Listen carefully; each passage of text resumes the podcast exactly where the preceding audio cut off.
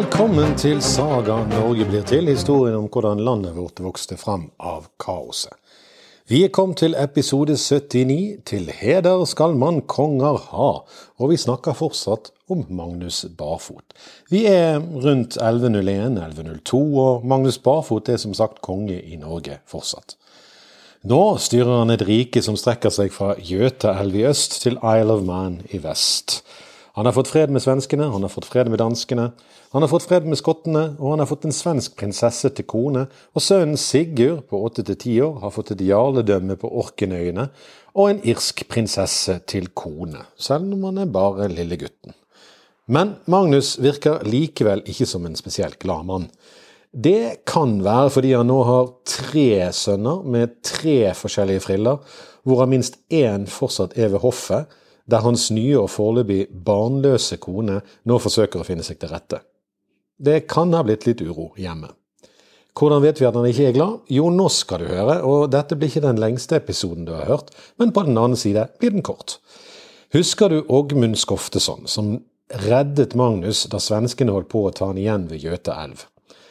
Han, denne Ågmund, har også en far som heter Skofte, selvfølgelig, siden han heter Skofteson, og en bror som heter Finn Skofteson. Finn var en av de som hadde blitt igjen i fortet i Venern, en av de 300 som fører tankene hen på de 300 spartanerne ved Termopylene, men det er en annen historie. Det var de som fikk føle kong Inges sopelime. På en eller annen måte havner Skofte og sønnene i en strid med kong Magnus.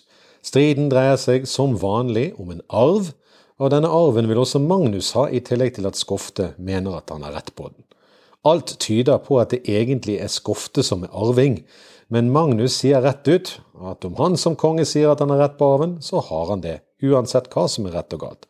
Eller som den gamle eh, morsomheten går, regel nummer én jeg har rett, regel nummer to hvis jeg tar feil, gjelder regel nummer én. På en eller annen måte så blir altså dette en konflikt. Skofte er like sta som kongen og sier at han gjerne skulle gitt kongen arven om kongen hadde hatt det minste rett på den. Men når det var Skoftes rett, ville han ikke vike for noen mann, uansett hvem han var. Rett skulle være rett. Enten må det ha vært en veldig stor arv, eller så må det ha vært en veldig prinsippfast Skofte. Nå etter Skofte så kommer Skoftes sønn Finn og forsøker eh, å minne kongen på at Finn var en av de som ble i fortet i Vänern, når mange andre ikke ville. De som satt der var solgte og dødsdomte, om ikke kong Inge hadde vist oss større høvdingdåd enn du, altså ved at de slapp fra det med livet og en sår rygg. Kongen blir ikke noe blidere av å høre den slags nidord. Skofte og sønnene skjønner at kongen er sint, og for sikkerhets skyld passer de på at bare én av de er i nærheten av kongen til enhver tid.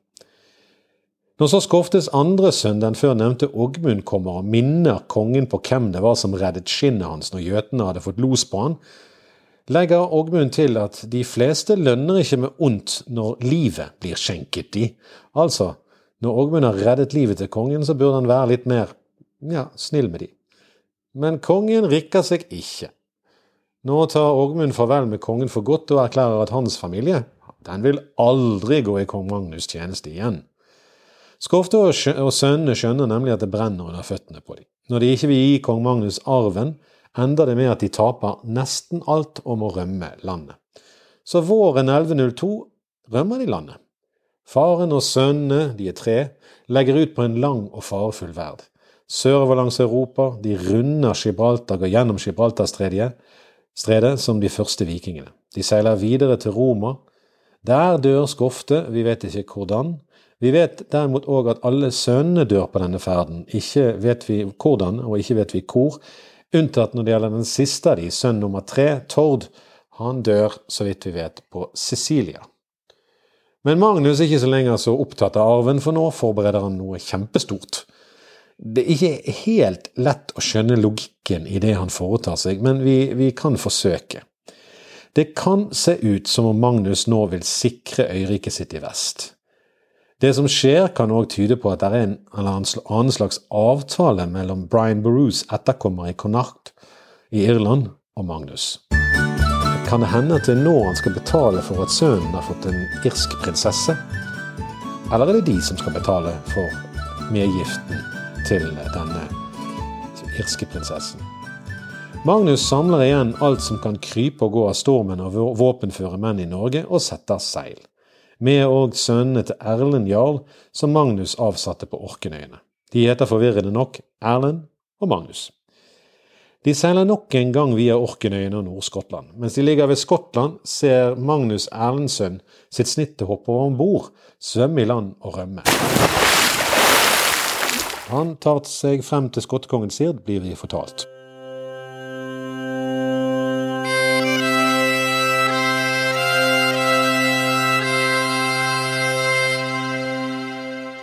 Men kong Magnus har ikke tid til å lete etter han, og denne Magnus Erlands sønn skal bli ganske viktig i Orkenøyenes historie. Han skal bli jarl på Orkenøyene, og han skal bli helgen, og han skal få en katedral oppnevnt etter seg.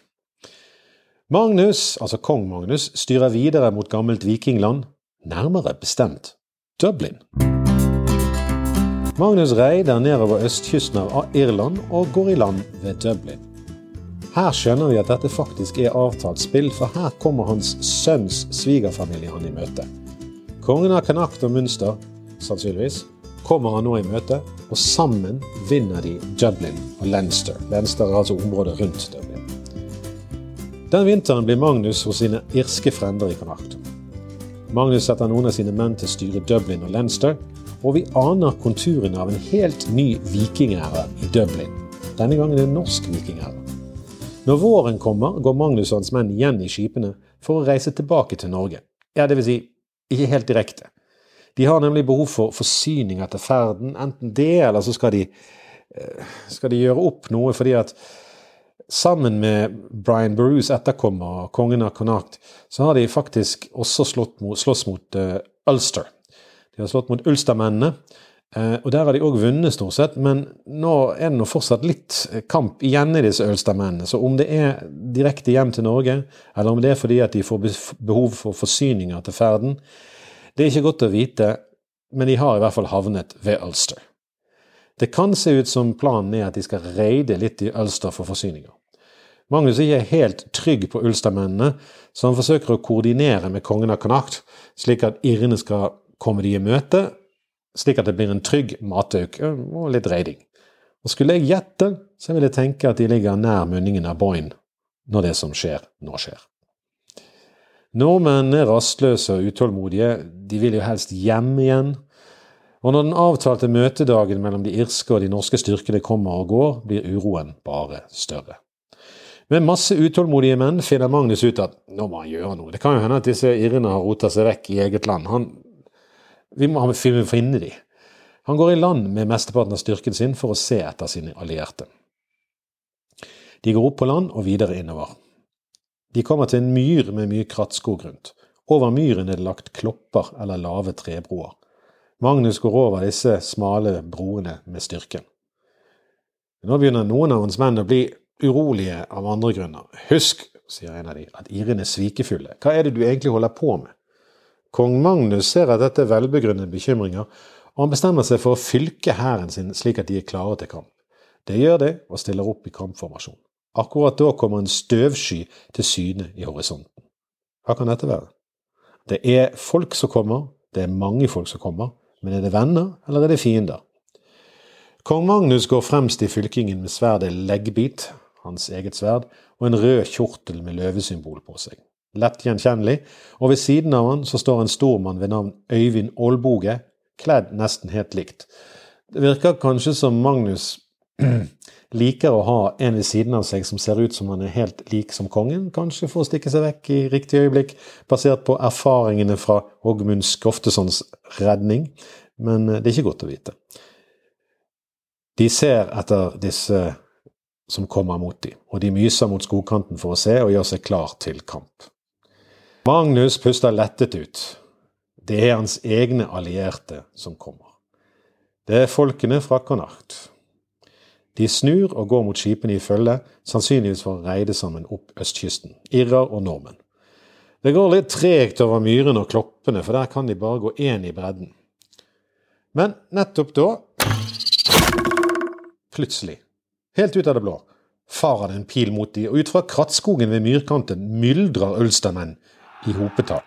Nordmenn og deres allierte er nå fanget i et bakhold i myren og er veldig eksponert på de smale kloppene. De blir lette bytter for Ulstermennenes piler. Ulstermennene er også bedre kjent med myren siden de er derifra, og det gir de store fordeler i den kampen som nå følger. Hva som skjer med den irske delen av Magnus' styrker, vites ikke. Vi hører rett og slett ikke noe mer til dem. Så vi kan vel kanskje spekulere i at de tok strake veien hjem til Connacht. Men Magnus blåser til samling og lager skjoldborg. Mange av irene eller ulstermennene faller òg, men likevel rammes nordmennene hardt. De trekker seg i retning skipene over kloppene, men det er smalt, og ved enden av myren må de over et dike eller en, en kam. Magnus beordrer en avdeling under Tormod Skinnhuvda til å gå over diket, mens hans styrker dekker dem. Ordren er at de skal stoppe der for å dekke Magnus når han trekker sin avdeling tilbake. Tormod Skinnhuvdas menn er gode bueskyttere, og planen er at de skal beskytte Ulstermennene og holde dem på avstand, sånn at Magnus skal slippe unna under dekke av pilene. Men når Tormods menn vel er kommet over diket, så snur de ikke og skyter piler. De henger skjoldene på ryggen og løper så fort beina kan bære dem mot skipene. Igjen i myren står kong Magnus uten dekning og beskyttelse. Uhumandig skilles du fra din konge, roper han i sinne etter Tormod, og angrer på at han gjorde Tormod til lendmann og tvang hans forgjenger og konkurrent i utlegd. Sigurd hadde aldri rømt på den måten, knurrer han. Men nå er alt håp ute for Magnus. To spyd går ganske umiddelbart gjennom lårene hans. Magnus griper spydskaftet mellom beina og brekker det av. Slik bryter vi leggsperrer, svenner, brøler kongen i blodtåken. Som svar blir han hugget i halsen med en øks, og det blir for mye for selv Magnus. Når eh, hodet kappes av, så segner han om å ha fått banesår. De som er igjen, de flykter nå. Sagaen sier at mange norske stormenn faller i denne irske myren i Elster. Erlend, sønn av Orknøyjarlen, er mellom de. Magnus får sanne sine egne ord. Til heder skal man konge ha, men ikke til langt liv. De som kommer seg vekk, flykter om bord i skipene og seiler vekk så fort de kan til Orkenøyene. Sigurd, Magnus' sønn, får høre om sin fars død fra de. Vi hører ingenting om hvordan han reagerer, utenom at han gjør som han skal. Han slår følge med resten av farens styrker hjem til Norge. Og det er det han må, for nå er det tre mulige kongsarvninger. Tre mulige nye konger, alle sønner av Magnus. Kongen er død, leve kong eh, Øystein? Sigurd? Eller Olav? Det er helt åpenbart opplegg til konflikt, kamp og støy. Ingen samkonger har heller levd særlig lenge som samkonger.